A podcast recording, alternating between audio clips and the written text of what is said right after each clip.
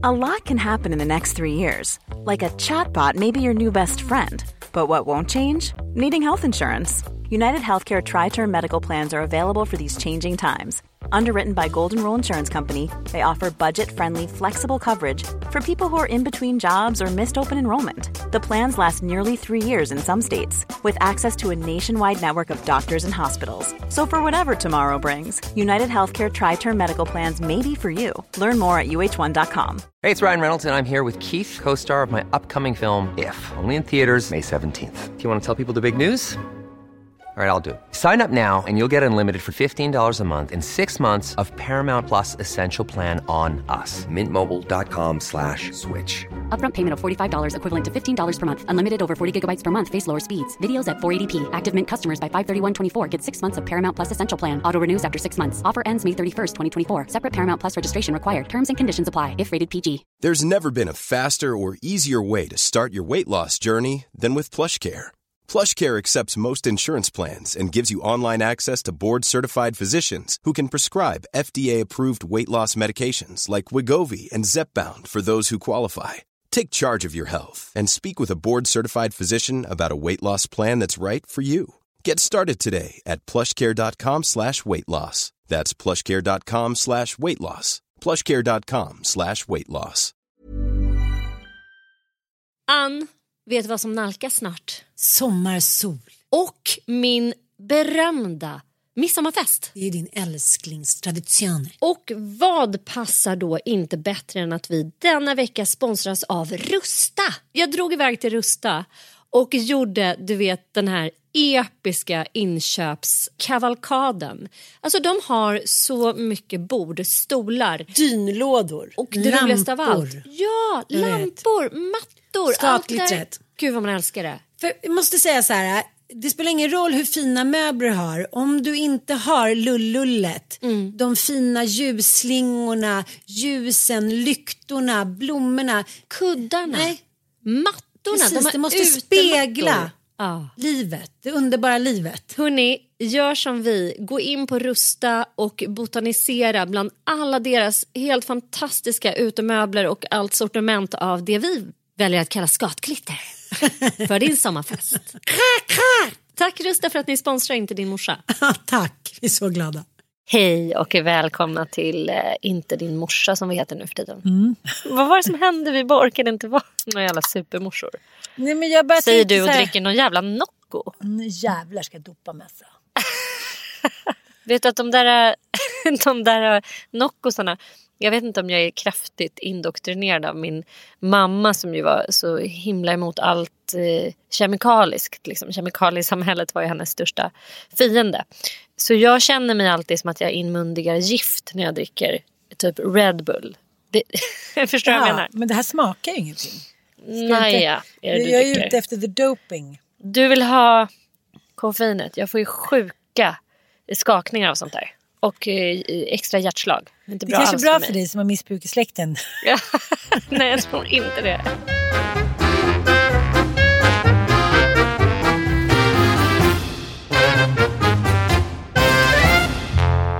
Du, eh, hur är läget? Mycket bra faktiskt. Och det är kanske min första punkt eh, i den här podden. Därför att du och jag har ju pratat mycket om det att vi har en så här överpositiviserande inställning till livet. Eh, och att det är vår eh, krassa räddning i ett liv som har bjudit på mycket, ja, vad ska man säga, olycka. Mycket kackerlackor. Mycket kackerlacka över oss. Vi sa det ju när vi var på med SOS Barnbyar och besökte Afrikas största soptipp. Eh, och det var ju naturligtvis helt fruktansvärt men du och jag när vi stod där uppe så kunde vi ändå inte rå för att vi tyckte att det var liksom härligt. Till och med på liksom världens vidrigaste plats så tyckte du och jag att så här, gud himlen är blå här ändå. De verkar ju ändå ha det. Alltså, förstår du? Ma- men, jo, men klassiska maskrosbarn. Eh, men det som, det som också utspelade sig på den här soptippen som eh, vi som då ska få, eh, vi som ambassadörer, vi ska ju få eh, medmänsklighetens liksom, nerver att rycka i dem, så ska, liksom, i de som tittar på att vi är där. Så vi ska ju egentligen gråta och liksom, Ja. visa gråtande barn och sådär. För det är ju då man öppnar plånboken. Det är bara beforskat liksom. Men samtidigt säger så här, det är en falsk bild av hur det var där. För människor eh, liksom Hittar lyckan i kanske, det lilla. ja, Visst, kanske inte går till psykolog och säger att de lever världens bästa liv. Men det var ju Förvånansvärt mycket livskraft och glädje där ändå. precis. Och liksom eh, en ganska progressiv utveckling med skolor och planer. Och, och sen var det såklart droger som människor var drogade och hit och dit. Men, men kommer du ihåg den där mamman som satt med sin lilla bebis i liksom ett berg av sopor? Alltså, om man bara så centrerar själva bilden på henne, hennes kille och deras två kompisar och sen tar bort alla sopor så var det ingen skillnad på att se liksom ett, jag menar, en nyförlöst lycklig liten familj i Sverige. Nu ska vi liksom kanske inte ge oss in i det här träsket och schablonisera men grejen är ju att människor hittar ju glädje i de flesta liksom, eh, ja, maskrostillfällen. Ja, men jag säger säga så här att kanske alla kanske inte gör det. Men vissa gör det. Du Inte och jag, nej men alltså där är vi ju väldigt olika. Man ser liksom ett halvfullt glas eller Mm. ett halvtomt. Och du och jag är- är väl åt det första hållet liksom. Ja. Att man väljer att se saker väldigt mycket positivt. Ibland är inte det till sin fördel. Jag menar inte att det här är ett vinnande koncept alltid. Men det är ett faktum. Och jag eh, möttes eh, av en kommentar i mitt Instagramfält.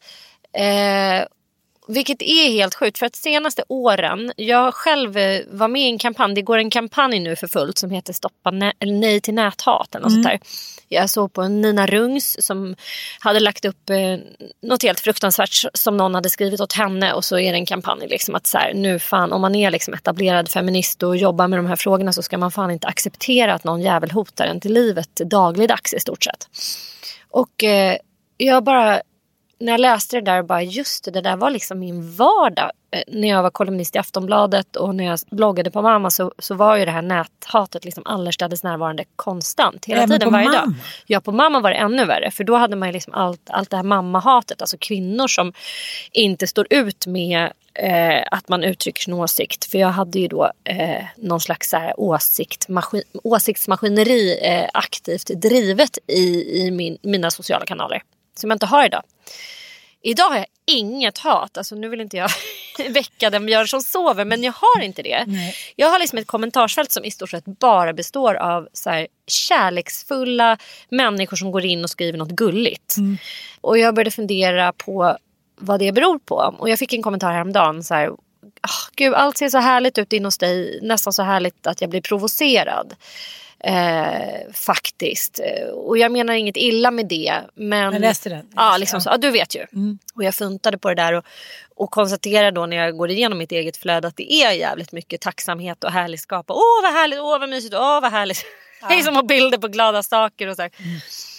Och så började du fundera på liksom, vad min... Eh, vad min Falska bild kommer Fa-. Nej, men jag började fundera på liksom hur, jag, hur jag har svängt. Om jag liksom tittar tillbaka fem år i tiden så, så gav jag ju in i debatten på ett helt annat sätt och hade väldigt mycket starka åsikter och uppmärksammade orättvisor och klagade liksom på, på det mesta kring mig. Mitt eh, eh, vad ska man säga, textmaskineri var jävligt drivet av det. Och det är det inte idag. Och eh, jag konstaterade krasst att det är för att jag eh, orkar inte. Sen mamma dog så orkar inte jag med överhuvudtaget någonting som är hårt. Nej. Jag orkar inte med människor som är eh, liksom fientligt inställda till livet. Jag, jag klarar inte av liksom så hårda... Det är klart att jag klarar av nyheter men jag märker hur jag bara har skurit bort allting. Jag tittar aldrig på nyheter längre. Tittar nästan aldrig på tv. Eh, överhuvudtaget liksom. Och tittar jag på tv då, då kollar jag på så här Wahlgrens värld. Eller typ så här Kardashians eller någonting. Alltså väldigt så här glättiga. No-brainer, bara snälla saker. Eller så dokumentärer om så här, hur funkar det? En så här chokladfabrik för barn. Typ, så här. Alltså någonting sånt. Du går tillbaka i barndom. Ja, och eh, det jag läser, det är också väldigt lite dagstidningar och nyheter. Jag läser veckotidningar och glittriga magasin och matlagnings... Ingenting som är hårt och kallt och farligt. Jag tittar inte på, jag delar ju inte min familjs, övriga familjs då extrema intresse för actionfilmer och splattermovies och skräck och sånt. Då går jag bara upp på en annan våning och sätter mig där och så tittar jag på HBOs senaste ryska tsarinnan Kristina. Kristina, Ja. eh, kejsare, Ja, kejsarinnan Kristina. Där går jag in och bara bolstrar in mig. Och, och det här, så här, jag vill ha det här lite kring mig och det är kan säkert vara jätteprovocerande och det rimmar också. Jag tittar på mitt flöde, liksom, mamma dör och sen bara börjar liksom så här ett härligskapsflöde utan dess like som inte motsvarar liksom hur jag har känt mig de här åren alls egentligen. Liksom. Men det är ett sätt att överleva och det är ett sätt som funkar. God damn it. Det gör verkligen det. Men du är alltså fake it till you make it. Fake du- it till you make it eller liksom bara så här, grabb, kasta mig in i saker som är så här, mjuka, mysiga, bakelselika, bolstrande. Bara liksom befinna mig i den typen av relationer med människor som jag umgås med också. Jag pallar inte med dysfunktion och det har ju såklart med liksom hela min bakgrund och mitt medberoende att göra. Jag kan inte uppehålla mig i de rummen. Jag vill ha kärlek kring mig och eh, det måste få vara så bara just under den här tiden i livet. Jag tror att jag kommer komma tillbaka till det annars. Jag läste precis, jag pallade med att läsa. Eh, ja, jag har en sån jävla läsupplevelse som du bara måste kasta dig in i. Arv och miljö av Vigdis Hjorth. Har du hört om den? Ja. Nej, men det, är liksom, det är helt beroendeframkallande läsning. Det går inte att värja sig. Den är liksom, men det är en fruktansvärt nattsvart historia förstås. Som jag ändå mäktade med att läsa utan att så här, kastas in i någon slags djupt mörkerhål. Men jag kommer komma tillbaka till att kunna liksom ta en konflikt till att kunna läsa att, eh, eh, Gretas, Gretas mörka framtidsscenario om att jorden håller på att gå under och så vidare. Men just de här två åren har jag inte pallat det och Nej. det är därför saker och ting ser så jävla härligt ut i mitt du- flöde. Men, men jag måste då, eh, jag kan styrka att det inte alltid är så himla härligt i Sannas liv. Det är jättehärligt men det finns också oärliga saker. Finns mycket oärliga saker. Men, Men- det, men det, du, du fattar vad jag menar. Det är också Och- ett sätt, som du säger, ett sätt att överleva och jag tänker så här, det här är ju kvinnor som du skulle kunna liksom rikta ett kritiskt öga mot för fem år sedan. Så här, kolla de bara lever i sin fluffe fluffvärld liksom. Ja, ja. Men, men handlar det inte om att människor kan liksom, vi kollar nu den här A Day of Hysteria som jag ska hålla på föreläsning på lördag. Just det här som du och jag också har eh, pratat mycket om när Ja, det är ju faktiskt en sjukdomsbild och att man är hysterisk som kvinna. Att det var en sjukdom. Det var väldigt modern på 1800-talet var det inte det? Väldigt Jo, slutet av 1800-talet ja. Och sen- Freud eh, kom ju med den diagnosen. Precis, att så här, kvinnor liksom blir hysteriska och det skulle botas på olika sätt, bland annat med onani och massage hit och dit. Men, men alltså, när man ser i backspegeln så beror det på en understimulation. Alltså att så här, understimulerade kvinnor blir stressade. Och till slut så här, sitta och vara ett vackert smycke eller bara gå omkring och guggugga med små blommor och hit och dit. Eh, ja, men det, det var ju frekvent vanligt överklassen då, också, där man hade barnflickor och kockerskor. Alltså, vad fan gjorde man? Spelade piano och plockade med någon ros. Alltså, det, det, finns, det finns ingen fulfillment i det. Och, men jag tänker vi som har haft det jävligt stökigt i många år. Jag tänker också det så här. Jag skulle nog nästan näst, resten av hela mitt liv bara kunna ha fluff. Ja. Och det betyder inte att jag inte har något djup. Det betyder bara så här, den där jävla kvoten av skit, den är fan fylld. Och jag tänkte på det när vi hade föreläsning förra fredagen på den här särskolan. Säger man så? Nej. Alltså, de tog ju emot elever med neuropsykiatriska funktionsvariationer som det heter nu för tiden. Inte hinder. Det är bra. Mm. Precis. Ja, eh, variationer och eh, problem. Ja, precis. Framförallt barn med eh, diagnosen Asperger eller autismspektra. Och eh, det var ju en både fantastisk och väldigt jobbig upplevelse när man ser liksom, människors så här, hållning, deras ansikten är som liksom, öppna böcker. Så här, de blinkar inte, de är, här, de är nästan som förvridna av lidande för att de har en sån jobbig situation med sina barn.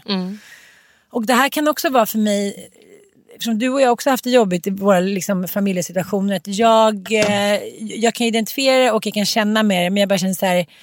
aldrig mer, aldrig mer, aldrig mer, aldrig mer. Liksom där nere.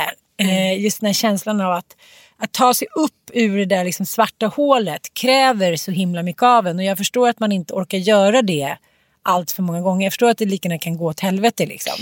Och det sjuka är ju att när man är i det svarta så har man normaliserat det och anpassat sig till det. Så man upplever det inte riktigt som att det är så jobbigt just då. Utan det är när man har tagit sig därifrån. Det är då liksom sorgen kommer och det är då när man så börjar andas liksom djupa andetag. Det är då man förstår hur jävla jobbigt det har varit. Och det är då man också börjar utveckla någon form av nästan allergi mot att vara där på något sätt. Att så här, inte in i det där. Alltså un, under perioder har jag ju haft så här, gud jag orkar inte prata med folk om det där. Eh, om det här mörka. Jag orkar inte prata med någon som är, är i akut medberoende. Så är det inte alls nu för mig. Jag kan absolut, liksom kommer någon till mig eh, och vill öppna sig och vill ha stöd eller hjälp eller sådär. Då kan jag absolut ta emot det. Jag har inga problem med det. Eh, därför att jag vet att jag inte måste liksom bära det åt dem. Jag kan liksom bara så här, eh, gör så här eller testa det här. Och så kan jag bara lämna det och gå hem till mitt fluff igen sen. Nu hamnade vi typ i djävulsdansen. eh, Jo, men det här är viktigt också som, som mamma. Tänker jag att det har varit viktigt för mig att eh, läka min eh, mammasorg. Liksom. Eh, För att visa mina barn att det är möjligt att göra det. Att inte så här fastna i det, att inte hela vårt liv ska bli annekterat av det. Och att inte att visa sina barn, det tror jag verkligen på. Det, det är en sak att snacka och säga till höger och vänster. Men att visa dem liksom, hur man praktiskt går tillväga för att liksom, eh, ta sig igenom förbi upp ur sorg. Det, det har jag velat visa dem. Jag något sätt. fattar. Men samtidigt så är det så här att problemet är att när man, om, man, om man jämför till exempel din situation med fem och då bodde ju du inne i stan. Vi bodde i varsin lägenhet. Det var liksom eh, röjare. Det, det krävs ju också en viss kuliss för att återhämta sig. Nu menar inte jag att man behöver ha en herrgård och 33 hästar för det. Men, men jag förstår också att så här, för vissa människor som lever med dålig ekonomi, som lever med människor runt omkring Alltså, det, det- är nästan en omöjlig uppgift. Och det var en annan tjej som på föreläsning som skickade ett DM till mig sen. Och eh, jag måste bara liksom läsa lite ur det. Eh, för att eh, det var så jävla vackert. Hon berättade först eh, en eh, ja, men jättejobbig historia med ett sjukt barn och en exman som har tagit sitt liv. Och, ja, men det är liksom mörkt, mörkt, mörkt, mörkt, mörkt. Och sen berättar de om den här aha-upplevelsen som vi båda varit med om. Att så här, isarna börjar knaka. Det är så här, oj, det är en spricka. Vattnet börjar porla. Man tittar upp, himlen är blå. Och man börjar känna sig fri. Liksom. Alltså hela det där bagaget börjar lämna en. Och hon beskriver det i somras att hon var så här, i sommar ska jag, jag ska bara vara hemma. Jag ska inte göra någonting. Jag ska bara ta hand om mig själv. Och liksom inte ha några krav på mig. Och så sakta men säkert då så liksom började hon känna så här, gud, nu kan jag, liksom, det håller på att lätta. Jag börjar hitta tillbaka till mig själv. Jag börjar se en väg framåt. Och, och, liksom, och det kommer ju faktiskt. En, en kris är ju inte, oftast inte konstant. Och eh, jag läste en intervju med, med vår, vår lilla gubbe Kullberg där igår. Och eh, han sa ju så här, eh, intervjuare, han har skrivit en bok som heter Kris. Le- leder till utveckling. Precis, som är en så här, den kom ut 75, den är en riktigt svensk klassiker som beskriver de, olika, de fyra olika krisernas stadier. Han gjorde sin forskning på kvinnor som hade förlorat ett barn och såg det här väldigt tydligt. Och chocktillståndet och sen så framtidsutsikterna. Typ, ja, ja. Eh, nyorientering med så här chock. Eh, och sen är det ilska, Sorg sorg, och nyorientering. nyorientering. Ja. Och eh, jag tyckte det var så intressant för då, då sa journalisten så här, allt det som du har stått för att liksom, ja, humanisera psykiatrin håller ju på att försvinna. Att man bara kommer, alla är bara sin, eh, Diagnos. sin diagnos. Och alla ska medicinera stenhårt och det är liksom det här lilla världen där familjen ska vara med, det håller liksom på att försvinna igen. Så det, du jobbar, har jobbat med det här sedan liksom 70-talet och nu bara ser du allting finns typ ingenting kvar av den psykiatrin. Det är bara så här, in, få tabletter. Han sa, jag nekar ju inte till att medicin är bra. Han sa, jag har ju flera fall nära som har fått ADHD-medicin och deras liv har liksom verkligen förändrats. Mm. Men, men det han sa, att ja, men borderline eller bipolaritet, att det bara så här, nu ska vi medicinera, nu ska vi medicinera. Att så många som hade mått bra av, han säger det, man kan ju liksom, de flesta som till exempel har borderline eller bipolaritet, de kan ju efter typ 7, 8, 9, 10 år klara sig utan medicinen lika bra. Mm. Om man sakta men säkert tillsammans med terapi och samtal att någon finns där och sådär. Mycket handlar ju om eh, självkännedom. Att man lär känna sin, e-, sitt, sitt eget psyke så att säga. Och så här, triggers och vad som utlöser vad och hur, man, hur, hur ens känslor svarar på olika stimuli och sånt. Och jag menar, alla människor skulle väl kort och gott må bra av terapi. Att lära känna sig själv, hur man reagerar på olika situationer. Alltså, det finns väl ingenting dumt i det. Men det, det som är som sagt förjävligt det är ju att vi lever i ett samhälle där det på något sätt eh, inte premieras längre. Att det har ansetts vara så flummerier som inte har tillräckligt beforskade metoder trots att i resten av Europa så är liksom psykoterapi eller psykodynamisk terapi så här, väl, en väldigt, väldigt upphöjd eh, Alltså det, det både forskas extremt mycket, framförallt i Frankrike och i Tyskland.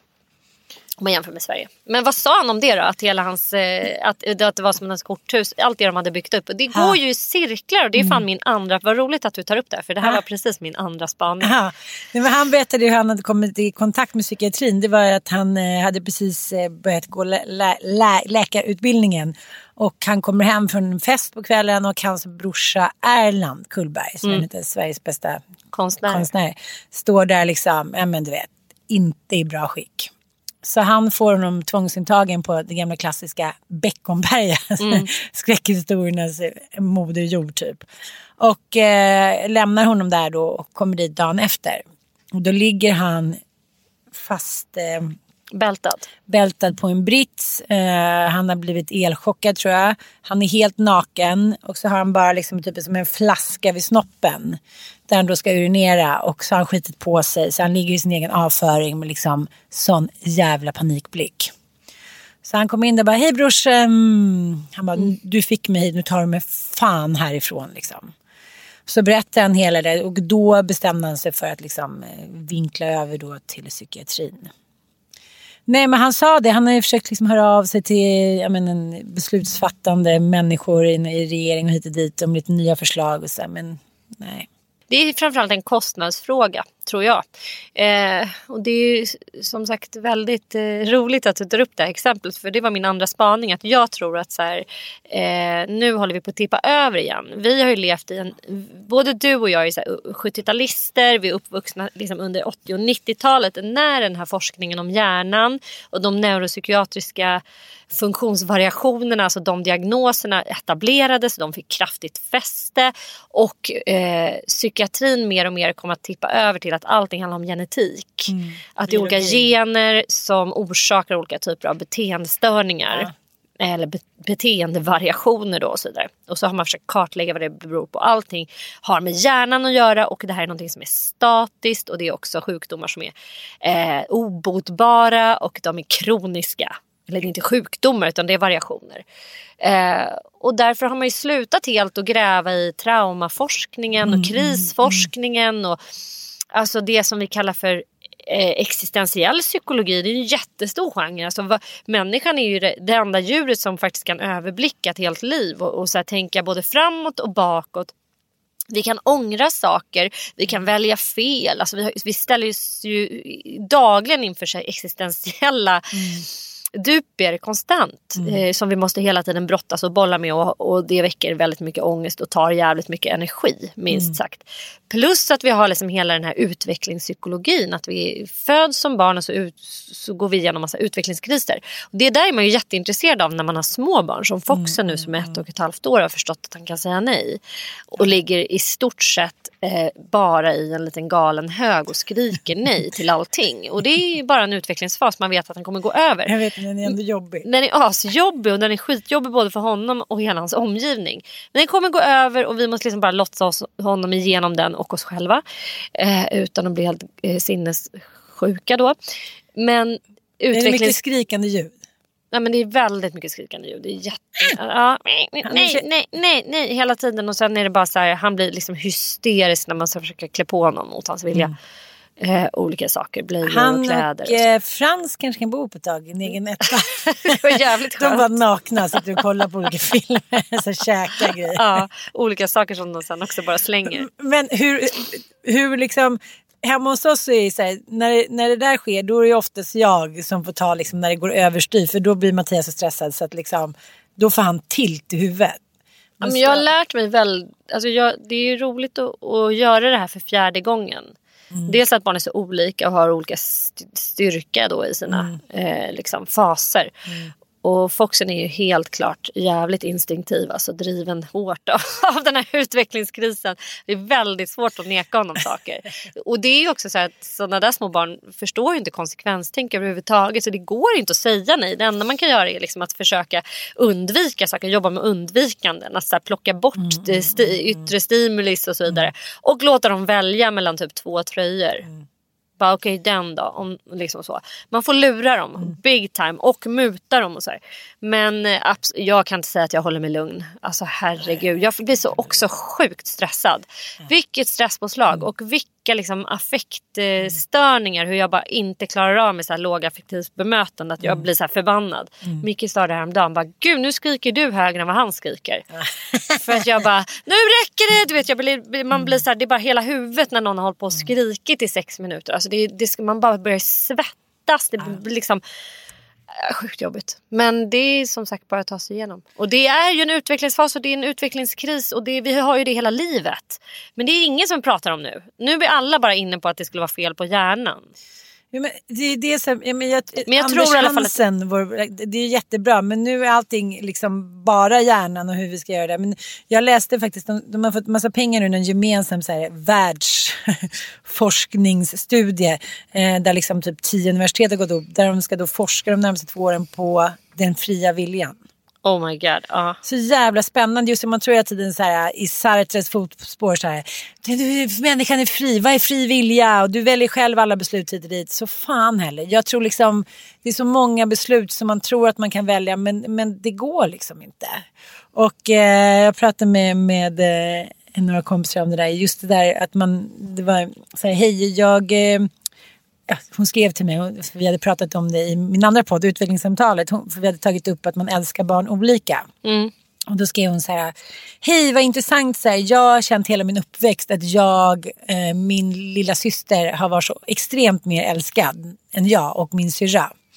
Och eh, på ett sätt, det har varit okej, jag har lärt mig att leva med det, men, men det som jag märker att jag själv får liksom hålla i mig nu när jag själv får barn. Att jag inte själv ska fastna i det där. Och hon sa att det är en konstig känsla att aldrig bli vald först. Och då tänkte jag så här, men, men ja, jag fattar. Men, så här, det är samtidigt så där, man liksom man passar ihop med vissa människor. Man har kanske inte så många fria val. Man väljer ju inte frivilligt att man ska älska ett barn mer. Nu känner inte jag så med något barn. Sen kan jag känna att jag kanske står lite närmare Ossian för att han är äldst och den enda som inte är så här. och liksom, det blir väl så ens förstfödde på något sätt. Men annars kan jag, jag kan inte identifiera känslan att jag älskar mina barn Olika mer- mycket. Nej, jag, jag, jag, jag, har försökt så här, eftersom den här frågan kommer upp ibland. Om jag känner att liksom någonting händer i mina kärleksradiovågor. Men nej, jag, jag liksom tittar på om det. Sen är det så här, jag menar Bobo är så himla lik Mattias sitt sätt. Det är så här, jag kan inte riktigt förstå hans lugn hela tiden. Det är så svårt för mig att identifiera. Medan Fralle är mer så här, okej, min klon typ. Vilket kanske också både är smickrande som en fåfäng grej men också så här, okej nu får vi försöka. Ja, det är inte roligt att ha en spegel leash. på alla sina så här jobbiga nej, sidor. Nej, men jag hoppas att man kanske kan... Lex Olga. spegel på alla Jo, men det, det, det, är sån, alltså, det är sån lycka att få den här som femte unge. För första vet man ingenting. Man säger oj då, men gud, ju- det verkar lite som jag. Men nu tänker jag att jag kan liksom coacha för Lemberg. Ja, det är bra. En världs... till en världs... Herraväldes Jo, men alltså, han har ju det som jag har, du vet, så här, go at, han kör allt själv. Han, liksom, han är en entreprenör i dess rätt anda. Treårig entreprenör. Ja, jag, men, ja. Äh, jag tänkte att jag kanske kan liksom... Ska bli så amerikansk mom. Ah.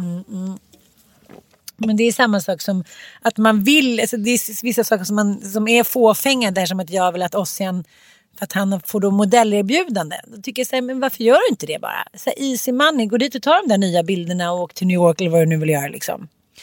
Han liksom, senast igår sa han så här, jag känner inte för det mamma. Liksom, jag vill inte gå och ta nya bilder, det är inte min grej just nu. Mm. Jag bara, nej men ändå dumt för att det, det, det, jag kan liksom jag tänker så här, det är väl roligt för honom men det är bara en fåfäng grej för att jag tycker att han är snygg. Ja, eller så är det så här, det är det att man vill ju väldigt gärna leva åt dem. Mm. Och man vill ju väldigt gärna med den erfarenhet man har. Och jag menar både du och jag kommer ihåg hur det var när man var 17, 18. Jag, jag kan, in, ingen ålder eh, kan jag minnas med så mycket så här, äh, självplågeri på något sätt. Som att, Varför gjorde jag inte så? Tänk om jag hade bott i Paris nu. Då skulle jag ha gjort det här och det här och det här. Och det här. Man vet ju nu i efterhand vad det var som så att säga, gick fel, vad man satsade fel på. Så här. Samtidigt så var det liksom erfarenheter som man behövde för att hamna där man är idag. Så det är väl det att man vill liksom in där och curla och coacha dem och bara om du gör det här, det är skitsmart för det kommer leda till det och det kommer leda till det och det är massor med bra grejer i det.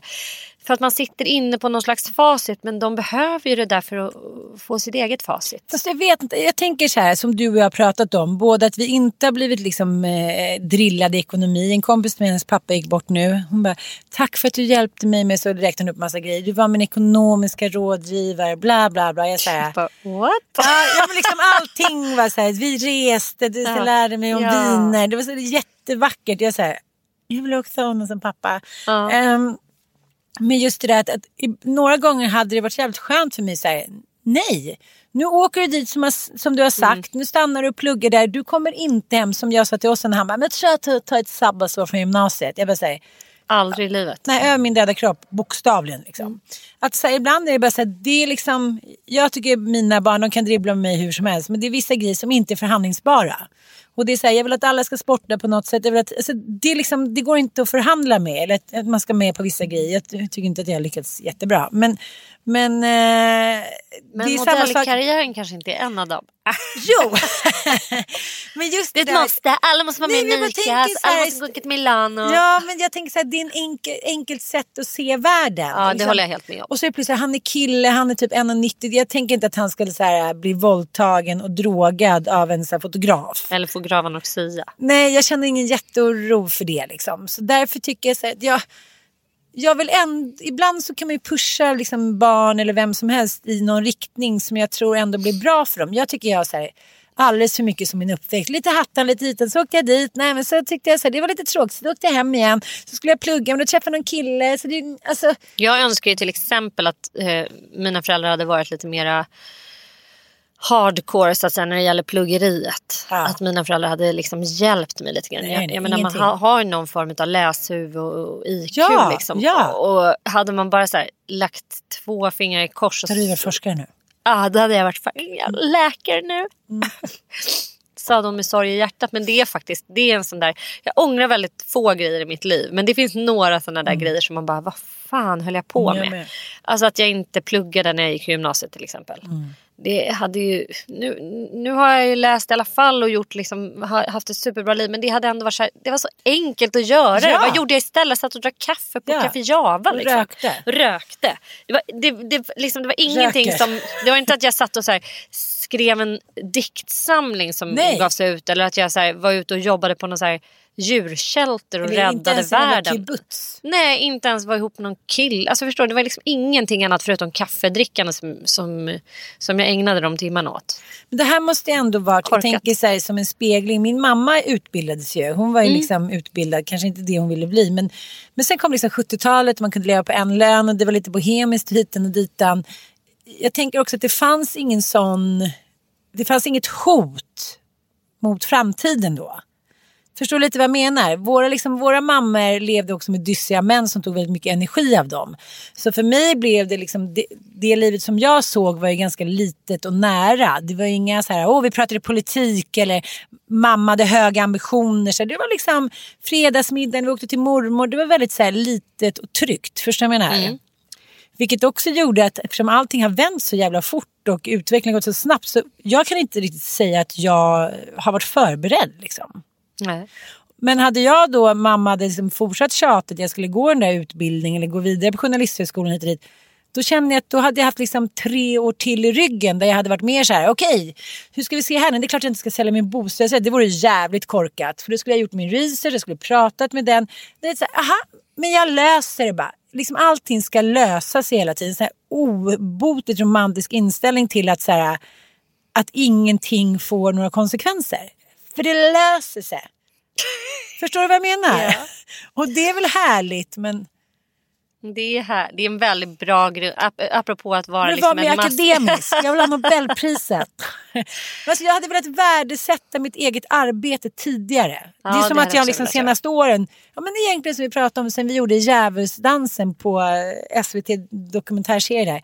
Sen dess har jag varit lite jag måste göra bra grejer, jag måste hit och dit. Mm. Och senaste halvåret har jag också känt så här, nu jävlar ska ut, liksom, nu är det stordåd i kroppen hit och dit. Grejen är att kunskap är makt, vad man än säger om den saken mm. så är det det. Och det är kul med makt. Mm. Det är kul att kunna saker men framförallt är ju kunskap helt fantastiskt och roligt. Alltså mm. det, när man var liksom 17 och hade huvudet fullt av liksom allt annat, hubb och bubba höll jag på att säga. Men då kanske man inte tyckte det var så jävla kul bara för att det var inramat i en sån tråkig kontext. Liksom. Men, men dina föräldrar hade kunnat liksom, få det att framstå som mer attraktivt och sexigt? Ja, men framförallt hade de ju kunnat bara vara lite engagerade. Det är väl mm. inte så himla svårt. Och det Nej. tänker jag väl liksom att det kan jag ge mina barn. Och där är jag liksom glad att jag ha möjlighet att kunna så, i alla fall försöka påverka dem. Och sen så menar inte jag att man kanske så, måste köra med den här gamla auktoritära tvångs och hotskolan när de eh, har liksom kommit upp i den här åldern. Men, men någonstans att man ger dem nyckeln till frihet att välja. För vi lever faktiskt i, i ett eh, Sverige nu där det inte funkar att inte ha en gymnasieutbildning Nej. till exempel. Man får, det finns inte ett enda jobb för någon som inte har gått ut gymnasiet. Man skulle bara säga, vad hände? Mm, vad hände mm. liksom? Det funkar inte att bara gå ut nian. Eh, utan bara do it, gör det. Och det finns ju massa möjligheter nu för tiden. Herregud. Ja men det är också det här, så här, som att, liksom, vad skulle man ut och jobba som jävla knegare så tidigt för? Ja. så här, jag har massa kompisar, de liksom gick på universitetet tills de var 30.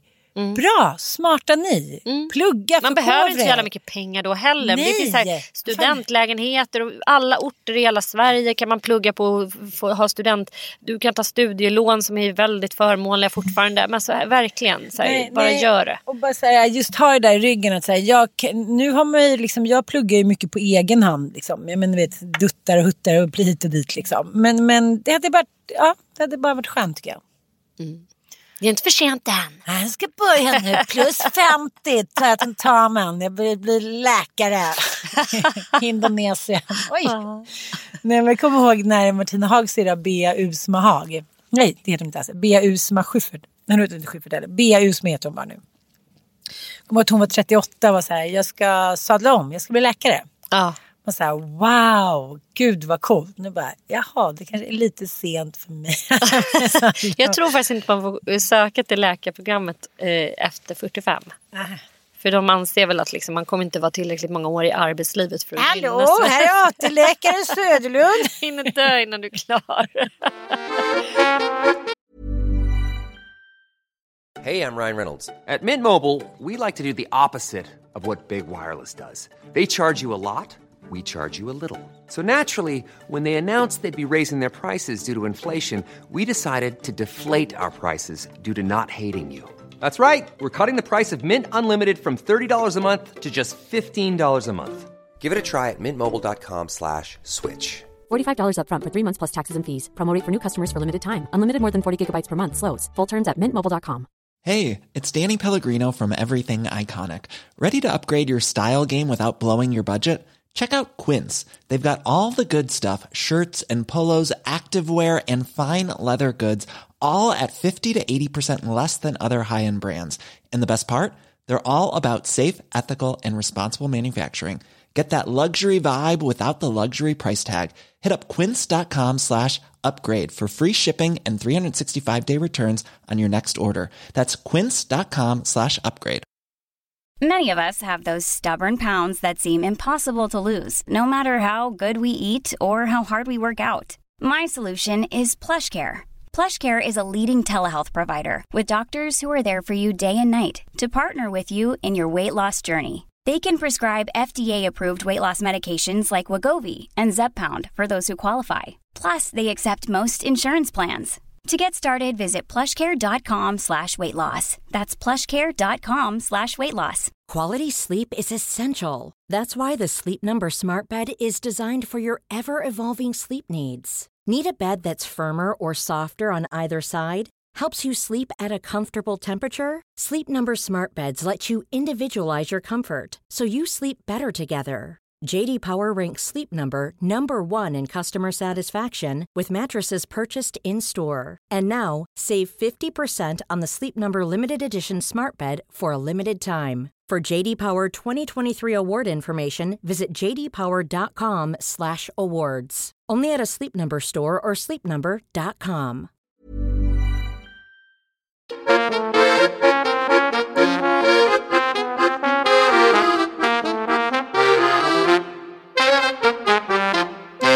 Apropå vårt nya namn, Inte din morsa. Så jag har nått någon form av bristningsgräns nu känner jag med eh, mina boys. Vad har hänt? Nej men Slöfockernas IF alltså. Det är så här, de är verkligen de där fåglarna som sitter och väntar på den där masken och bara... Sen är det klart att de hjälper till mycket hit och dit. Men jag känner så här, nu är de liksom 13, 15 och 17. Nu får de steppa upp. Det kan inte vara så här att sex glada laxar bara sitter där hemma och bara så, vi är hungriga, inklusive typ min man. När man kommer hem. Jag bara så här, så jag tänkte att jag skulle ta en liten miniresa med de tre äldsta. Och sen skulle liksom... En bildningsresa. Ja, så här, prata lite mer om, om så här, vad tycker ni? Har ni tänkt? För, till deras försvar är det så här, vi är sju personer i vår lägenhet. Det är liksom det är ett bondkackel. Det är som en gammal bondfamilj. Det är typ en gris, 15 unga kompisar, gäster, en målare. Det finns inga fredade zoner. Nej. Det gör inte det. V- vad ska man ställa sig liksom? Det finns ingen balkong ens en gång. Ska man gå in i lilla... Alltså, du vet ju hur lägenheten ser ut också. Det är så här, vad ska man ta vägen för en fredad zon? Men du har väl ändå ert sovrum? Jo men det står ju alltid uppe. Det ligger alltid tio ungar och brottas lite. Det är där. Du måste liksom bara köra en hårdare stilan. Du, du måste Bygga bara- på höjden. Du bygger på höjden, du liksom... Du gör en våning i en våning. Jag behöver en herrgård. Du, jag vet att i din herrgård så kommer det ändå ligga tio ungar i din säng. Det kommer inte vara någon skillnad. Och sen Jo, kommer det vara bara... Jag ska gå till hönshuset. Du, du, jag vill inte ens höra talas om att du ska flytta eller någonting. Jag läser ju just nu en fet, fantastisk självbi... Nej, en biografi blir det. Eh, jag vill sätta världen i rörelse. Eh, en biografi över Selma Lagerlöf av Anna-Karin Palm. Jag rekommenderar den här å de varmeste. Eh, Selma Lagerlöf var ju liksom helt fantastisk, folkkär och blev ju världsberömd mot alla odds. Som Vann kvinna. Nobelpriset. Ja, den första kvinnan som att, att vinna Nobelpriset och höll ett liksom väldigt starkt tal där om back to her roots. Mårbacka då om ni vet den här blomman. Och hon eh, läste ju den här boken och hon hade ju ett väldigt liksom eh, bra självförtroende väldigt tidigt. Att hon var liksom väldigt, väldigt bra. Men som kvinna så var det ju såklart eh, en tusen gånger större bedrift och eh, liksom ja, göra det här. Men, men det är liksom eh, hon säger någonting i boken, något citat så här, att hon inte förstår varför man inte ska liksom eh, vinna över människor man älskar. Förstår du vad jag menar? Hon säger det är ju någon gammal svenska citat. Men, men liksom kontentan är så här. Om jag träffar en människa som jag tycker är underbar. Då ser väl jag för fan till att hon också tycker att jag är underbar. Så att vi kan ha det underbart ihop. Jag tycker bara det var, ja, men som litet avslut nu, så tycker jag bara att det är så här. Om du verkligen tycker att någonting är härligt eller någon människa eller liksom någon utbildning så här. Se till då att få det tillbaka. Ja, det där är någonting dina pojkar då kanske borde höra. Att så här, men jag, jag brukar alltid köra eh, snacket 50-50. Det var faktiskt Margita. Eh, vår gemensamma kompis hon Ja. säger så här, men två vuxna personer de har liksom 50% var ansvar över en relation för att den ska gunga och för att den ska bli bra. Och med barn är det ju såklart inte så utan där har ju liksom den vuxna en mycket större procentandel för att för Ja. att det ska funka, för att man ska ha det härligt tillsammans. Men ju äldre barnet blir desto Mm. närmare börjar man ju komma de här 50-50 liksom. Och ett vuxet barn och en vuxen förälder. Ja men det är klart att liksom relationerna eh, inte alltid är liksom exakt jämlik. För att man kan må dåligt en period i sitt liv. Eller behöva mer eller behöva mindre liksom. Men vuxet barn och, och vuxen förälder bör ändå liksom hamna någonstans vid 50-50. Och när en unge är liksom 16 då borde det i alla fall vara 50-60. Tänker jag. Att man börjar liksom hjälpa till med hushållets liksom göromål. Problemet är ju det att barnen också ska knoppa av och eh, skapa sina egna då, familjer eller små enheter när de ska leva själva och sådär. Och det där går ju ofta hand i hand att de helt plötsligt bara börjar bli som att de är inneboende hos en. Så var det lite grann med Olga sista året innan hon åkte till Kenya. Att så här, men vadå, jag, jag bor ju inte här på heltid och vadå, jag ska ju ändå snart iväg ungefär. Så att varför ska jag ta hand om alla ungar som du har skaffat dig? Eh, och jag kan verkligen förstå den inställningen. Så här, Se mig som en inneboende. Jag städar mitt rum och jag fixar mina egna mackor och jag kan fan mig tvätt, göra min egen... ja, precis. För det vill de inte göra. Nej, det vill de inte göra. Resor och Ja, bilar. göra. Ja, men där är Men- det ju liksom en, en Jag fick- ongoing discussion. Men med någon som är 13-14 och fortfarande bor hemma och vill vara en del av den här familjen så är det klart att man Ja, jag liksom- vet, men det är liksom en, det är en in. kraftansträngning. Jag måste ändå ge dem, de hjälper alltid till med pojkarna. Men det är lite så här, man har varit borta och jobbat som ett svin, kommer hem, någon är lite så här, oj jag gick inte upp för du var inte hemma mamma. Ja, så jag gick inte till skolan typ så här, oj, oj, oj, oj. Om, inte, om jag hade ett vanligt jobb då skulle du aldrig gå till skolan då, säger han. Jo, men mm. Och så liksom någonting, och sen söndag lite bakis och någon ska iväg på basket. Och så bara, men gud, jag kommer hem när vi ska iväg på en födelsedagsfest. Kunde inte ni ens ha satt på kläder? Alltså kunde ni inte ens ha liksom, plockat undan, fixat en present? Uh, mm, uh. Men det är också när man aldrig kan sitta själva och prata. Jag känner också att många män i mitt liv är så här, jag får vackra ord men ingen handling. Sen är det lite så här, men vad är det hon, vad är den där klassiska Märta Tikkanen Släng några rosor. rosor, diska disken typ. Ja. Är den väl. Mm. Då skickade Ossian det här till mig då när jag hade varit så You know you're an earth angel if Nej, skratta you believe in being kind. You want everyone to be happy. You go out of your way to be helpful. Some people take advantage of your niceness. You get affected by other people's moods. You avoid conflict. Jag bara, jaha, så, jag? Earth Angel Anne. Det ska, det ska vara min nya bok.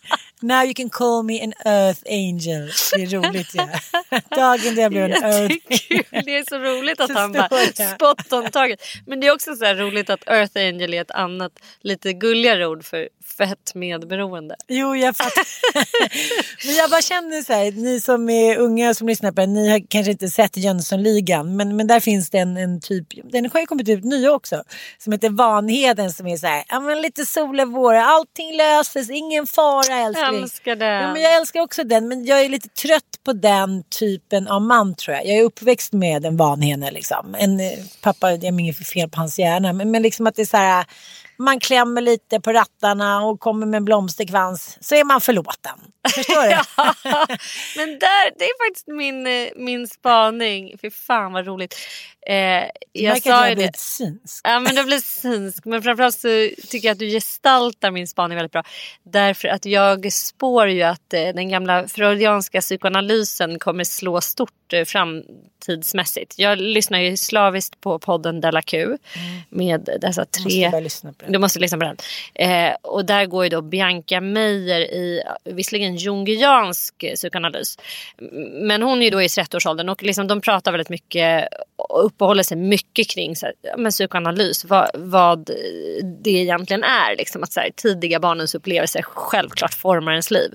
Och du säger att du är uppvuxen med en Vanheden eh, pappa. En charmör. Självklart så dras ju du då Ja. enligt Freuds liksom, tes bara mean. till män som har den typen av karaktärsdrag. Du Mm. älskar dem fast du avskyr dem. Och även då i den här Jobbig konflikt. Jobbig konflikt. Ja. Det är liksom en, en konflikt som du troligtvis... Ja, det kommer vara svårt. Du behöver ligga många timmar på divanen för att lösa det här. Du och behöver komma ligga det. med många andra. ligga mycket med olika andra typer av män. Hur som helst så även psykoanalysspaningen har jag ju då i eh, Vigdis Hjorth-romanen Arv och miljö. Eh, hon, eh, hela boken är ett super, super klassiskt tema.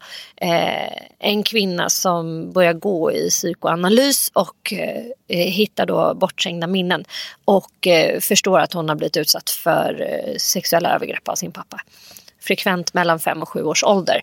Och hela boken uppehåller sig kring vad, hur hennes övriga familj reagerar när hon liksom avtäcker den här hemligheten. Och det, mm. det, det är fruktansvärt, eh, alltså det är som att läsa en thriller för det, ja. det är liksom så overkligt. Samtidigt så läste jag någonstans att just förnekelsen när det gäller incest är så jävla stor. Så är man då ett barn som avtäcker den här hemligheten i sin familj så kommer man i typ, jag, jag vet inte, minns inte procenten men det här liksom kommer från någon så stöd, stödförening.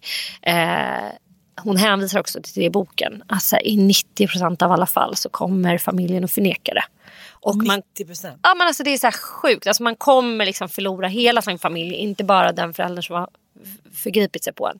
Och det kommer splittra hela släkten. Liksom. Det är bara så här. Så det är därför så jävla många bara håller tyst om det. Och inte eh, någonsin tar upp det. Liksom, utan bara så här, kanske fjärmar sig eller avskärmar sig.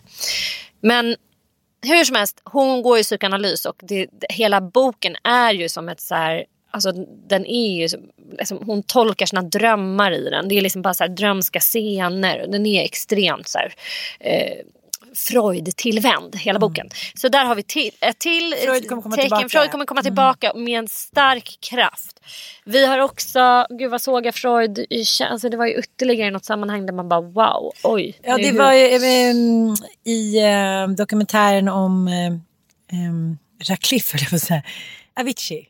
Ja. Ah. Så är han så här han, han håller på med Jung. Ja, han, ja. Försöker, han berättar för sina kompisar. Han, det är väl, han läser väl Freud? Ja, han läser både Freud och Jung och han ser ju väldigt mycket i de här arketyperna. Ja. Mm, och liksom mm. blir så här, han, han, verkligen börjar förstå sig själv. och de är bara så här, whatever typ. Mm, Den, typ. Det där är ju bara liksom en stilstudie i så här, Det finns en vilja att nå, liksom, att, att hitta djupare förklaringar till det vi upplever än enkom så här, gener och eh, järnsubstans, eller på att säga. Det är där jag tror att så här, det, det, vi behöver någonting mer.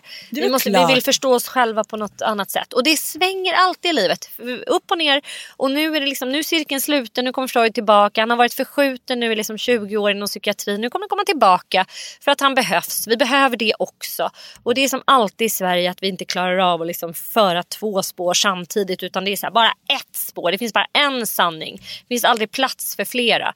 Och, och det är vi nog rätt ensamma om här i Sverige. Att det är, så här, det är så jävla ängsligt så man kan bara tycka en sak. Det är det mm. enda rätta just nu. Men nu kommer han tillbaka och det välkomnar jag. För att liksom, även om Freud hade enorma brister framförallt när det gäller genus och liksom idéer om kvinnor och män och så här, som är jävligt underhållande så här efterhand. Men han ja, var ju, som hittar på. Ja men det gör ju inte att man måste förkasta mm. allt gubben sa. Han hade ju rätt i jävligt mycket alltså. Mm, mm. Väldigt, väldigt spännande. Jag sugen på att gå hem och läsa Freud. Mm, det kommer jag också göra. Jung tycker jag är bra namn också. Ann ja. Jung. Okej, okay, du ska ju döpa om det till, till Jung. Jag, ska, jag har hittat ett efternamn som jag vill ha. Jag känner mig som Noomi Rapace. Nej, jag vill heta Gaupe. Gaupe? Vet du vad Gaupe betyder? Nej. Lodjur. på jämska. Uh... Och då kom jag på att det vill jag heta. Jaha, det vill du. Ja, Sanna det... Gaupe, är inte det skitsnyggt? Saknar dig. Vem saknar dig? Man. Gaupe är snyggt. Gaupe är skitsnyggt. Sanna Gaupe. Sanna Ante Gaupe. Efter mig.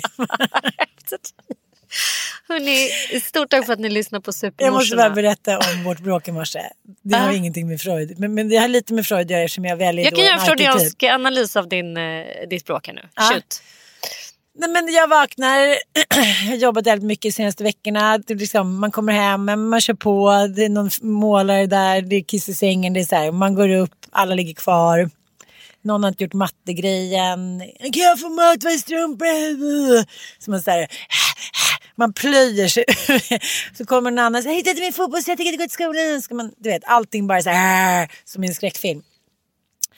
Och då ja, men lackade jag och sen så började jag tjafsa med, med Mattias. Och så här, jag orkar liksom inte hålla någon fasad för någon, någonting den här morgonen. Så jag är bara så här, jag bara, han bara du är ond. Jag bara, vet du, jag önskar att jag varit så jävla mycket ondare.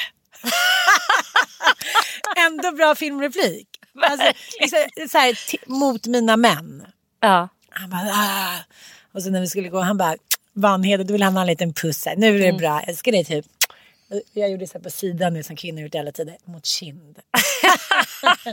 han var bara, så du var bara glad nu. Jag bara, men Vanheden, spela in Jönssonligan. Jag var så jävla irriterad. Jag bara, älskar dig, saknar dig. Man bara, Mm. Vanheden kom tillbaka, allt är förlåtet. Jag önskar att jag hade varit så mycket ondare. Ja, men det är min... Det, det Jag är väldigt- önskar det. Ja. Jag önskar Ja, det på riktigt. jag håller med. önskar Jag att min önskar också mamma att du hade hade varit så varit mycket det. ondare. Ja. För någonting händer, om man ser vårt liksom, arv och miljö så ser man en tydlig man ser en tydlig liksom, riktningsförändring när min mamma träffar min pappa. Mm. Farmor är liksom, ja men, farmor är farmor, adopterad, hade inget egenvärde, man kollar på bilder, hon tittar alltid bort. Liksom. Ja, men hon gjorde så gott hon kunde efter den tidens mått. Liksom. Men mamma är uppväxt med liksom, mormor Kajsa, så svinsmart och parant och duktig och översmart är morfar Erik. Alltså, så här, det var ordning och reda och det var plugga och på fredag. Så här, ja, men, ja, men det, liksom, det var en intellektuellt smart, driftig familj. Liksom. Och så träffar hon Vanheden Köris. Ja men du vet, på någon liksom så, så, snygg som en gud och charmig. En, en liksom översnygg Vanheden. Också en stjärna inom sitt gebit. Liksom. Ett underbarn inom journalistiken. Och hon är 19, han är 23. Han säger tjena. Han bjöd inte upp, han råkade bjuda upp fel. Och bara säger, jaha du har brutit benen Neta. Vill du dansa med mig då? Ja men en klassisk Vanheden-kommentar. Fast Vanheden har i och för sig ingen självförtroende. Jo, själv... eh, Vad ska man säga? Spelat självförtroende. väldigt dålig självbild. Ja. Men jag tror pappa hade bra självförtroende. Alltså, Ja. han var älskad av, ett, av en, en hel stad, Katrineholm. Och sen liksom så bara försvinner mamma så här, klara inställning till sig själv. Liksom. Mm. Och sen är det så här pappas liksom dyss och pappas bla. Men det är också så här, hon var barn av sin tid också. Liksom. Det var ju 70-talet. Och... Men Det var väl lite vad som förväntades av eh, kvinnor. Och jag tänkte på det också. eh, Fast vadå, om man tar mormor till exempel. Erik drack ju en snaps för mycket någon julafton. Då sov ju hon inte inne hos honom. Nej. För att hon var irriterad att, hon, liksom, att pappa och morfar hade druckit på någon extra snaps. Så Det var då kan här- man inte skylla det på det Nej, heller. det var så här, liksom, hon var stenhård. Hon skötte allting med liksom, hon var, hon var varm och gullig men det var så här, kom inte hit och så här, playa mig eller det finns inga utrymme för att inte sköta sig när vi är två hårt arbetande människor och liksom bla bla. Så Mm. att mamma bara så här, seglade bort från det där totalt. Men kan det ha varit som en, eh, eh, vad ska man säga, någon typ av trots eller en sån där överslagshandling att så här, gud jag orkar inte vara det där duktiga. Hon kanske tyckte att det var lite skönt att bara få ha det så här lite loosen up, att saker och ting flöt och den här det löser sig inställningen som din pappa ändå får eh, sägas ha drivit hårt som det var ärvt då därifrån. Att eh, hon kanske tyckte det var härligt. Eller ty- tyckte du att hon verkade olycklig i det? Eller tyckte du att hon Ja, kände... det, det, det måste jag nog ändå säga att jag tycker. Men det som händer när man träffar en människa med någon form av bokstavskombination som har de här starka energierna som initialt är jävligt härliga att leva med. Och det kan jag också känna när man människor som dras till mig eller jag dras till dem och eh, eh, liknande. Det är något härligt i det men det finns liksom ingen så här eh, framåttänkande så här skulle den här personen passa mig eller är det här jävligt dumt att ge sig in i en relation med någon som är som en själv igen? Eh, men ja, jag, jag, Men vet, som- jag tror att hon hade svårt att ta sig ur det. Liksom blev hon gravid direkt och en klassisk kvinnofälla liksom.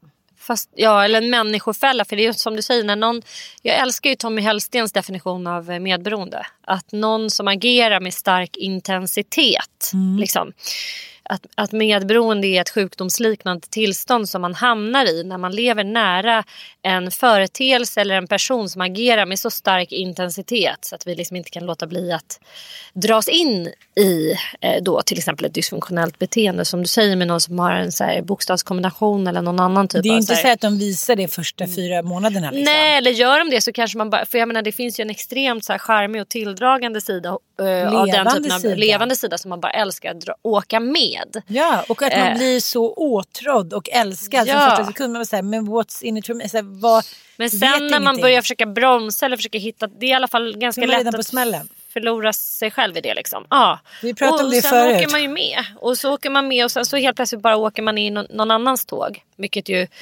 Eh, det är svårt att hoppa av då, speciellt då i relationen kvinna till man. Mm, Eh, för att det är på något sätt så här, ja vi lever i en patriarkal värld och det är Ja. liksom på något sätt också accepterat för en kvinna att åka med. Eh, ja. Det där tror jag man ska ställa sig fr- frågande till eh, många gånger under livet. Så här, var är jag nu? Typ, åker jag med? Eh, eller eh, driver jag själv? Och det behöver inte alltid vara fel att åka med. Det kan vara jätteskönt att hänga med. Men eh, om hela ens liv bara har varit liksom, att Ja. åka, få vara liksom, bihang och få hänga med i någon annan så här, galna. Det tror jag inte är ett helt liv. Alltså. Det tror jag inte heller. Och då kanske man ska fråga sig själv varför man inte har något inre driv eller någon inre kompass. Ja, någonstans är det att man inte är överhuvudtaget. klar för att någon annan bara tar över? Eh, lever man tillsammans med liksom en, en elefant i vardagsrummet som tar all energi som man inte klarar av att att hoppa av det rusande skenande tåget? Eller är, är man bara liksom av finns det några andra skäl till det? Hur som helst, jag fattar verkligen den där känslan av att eh, jag önskar att jag hade varit ondare. Att så här, eh, det handlar ju inte om det egentligen. Det handlar ju om att en vilja till att sätta gränser och det är det som är så jäkla hemskt att vara kvinna. Så, här, så fort man sätter ner foten så är det någon som är så här, vadå, är du sur? Är du arg? Ja, Nej, det är jag inte. Jag ville bara liksom eh, där gick gränsen va? Nu tycker jag att du får plocka upp lite här hemma. Då The är man, is back. ja, the bitch is back. Att liksom, så fort man sätter en gräns eller ställer någon typ av krav så är man så här, då är, tolkas det som att man är sur. Det finns bara två lägen. Antingen så är man accepterande och bara kör över mig, gör vad du vill med mig. Då är man snäll. Eller så börjar man ställa lite krav och då är man en bitch liksom. Eh, vilket ju är så här, jag tycker Greta Thunberg sammanfattar det så jävla bra hur jävla provocerade män blir på henne. Alltså. För att hon vägrar att behaga, hon vägrar att spela på så här gammalt hedligt kvinnligt sexuellt erotiskt kapital. Mm. Hon bara står där helt osminkad, vägrar göra sig snygg överhuvudtaget. Hon bara körs ner. knappt, Hon hon. ler inte. Det är alltid så en kvinna som syns Mm. på bild eller i något jävla sammanhang ska alltid så smila in sig lite flickaktigt insmickrande. Och så ska man ha gjort sig lite vacker och så ska man Mm. stå liksom, man ska ha ett kroppsspråk som signalerar ofarlighet och flickighet liksom. Och sen så ska man be om ursäkt för att man tar plats. Och hon gör bara inte det utan hon bara går rätt upp där. Hon går rätt på liksom affekter som män inte accepterar hos kvinnor. Eh, hon, hon är förbannad och besviken och gråter till och med över det. Den här besvikelsen på alla jävla gubbar. Eh, och sen eh, vägrar hon liksom, som sagt att vara insmickrande och gullig. Män som hatar även nu kvinnliga barn. Ja, och även kvinnliga barn. Liksom, så fort man inte spelar på de gamla så här, eh, hederliga kvinnliga eh, stråk, vad heter det, strängarna. Då, då blir man så här, tusenfalt bestraffad och hatad. That's life.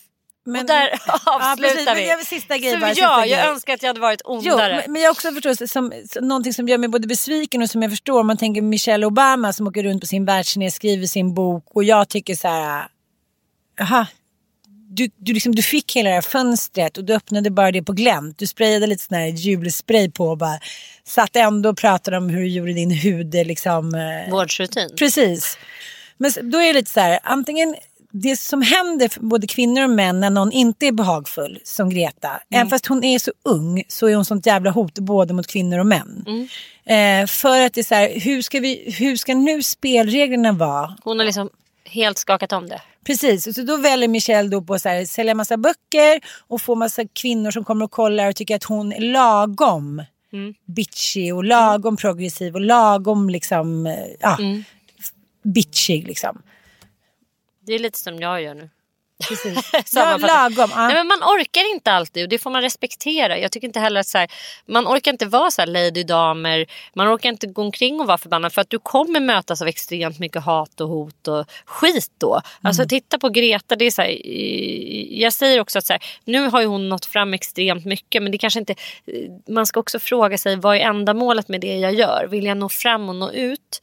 Eh, eller vill jag liksom provocera? Eller vill jag sälja böcker? Eller vill jag bara liksom försöka göra eh, min röst hörd utan att liksom utstå en eh, korsfästelse?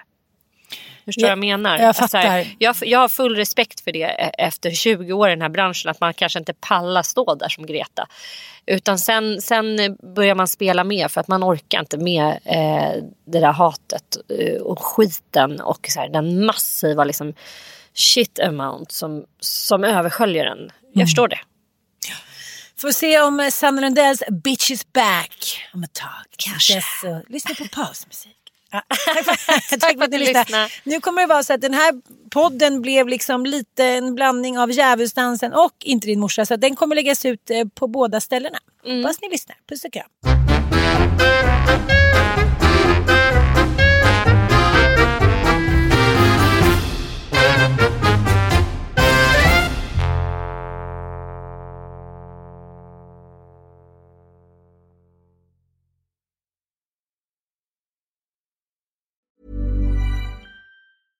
Even when we're on a budget, we still deserve nice things. Quince is a place to scoop up stunning high-end goods for 50 to 80% less than similar brands. They have buttery soft cashmere sweaters starting at $50, luxurious Italian leather bags, and so much more. Plus, Quince only works with factories that use safe, ethical, and responsible manufacturing. Get the high-end goods you'll love without the high price tag with Quince. Go to quince.com slash style for free shipping and 365-day returns. Imagine the softest sheets you've ever felt. Now imagine them getting even softer over time. That's what you'll feel with Bowl and Branch's organic cotton sheets. In a recent customer survey, 96% replied that Bowl and Branch sheets get softer with every wash. Start getting your best night's sleep in these sheets that get softer and softer for years to come. Try their sheets with a 30-night guarantee. Plus, get 15% off your first order at bowlandbranch.com. Code BUTTERY. Exclusions apply. See site for details. Hi, I'm Daniel, founder of Pretty Litter. Cats and cat owners deserve better than any old fashioned litter. That's why I teamed up with scientists and veterinarians to create Pretty Litter. Its innovative crystal formula has superior odor control and weighs up to 80% less than clay litter. Pretty Litter even monitors health by changing colors to help detect early signs of potential illness. It's the world's smartest kitty litter. Go to prettylitter.com and use code ACAST for 20% off your first order and a free cat toy. Terms and conditions apply. See site for details.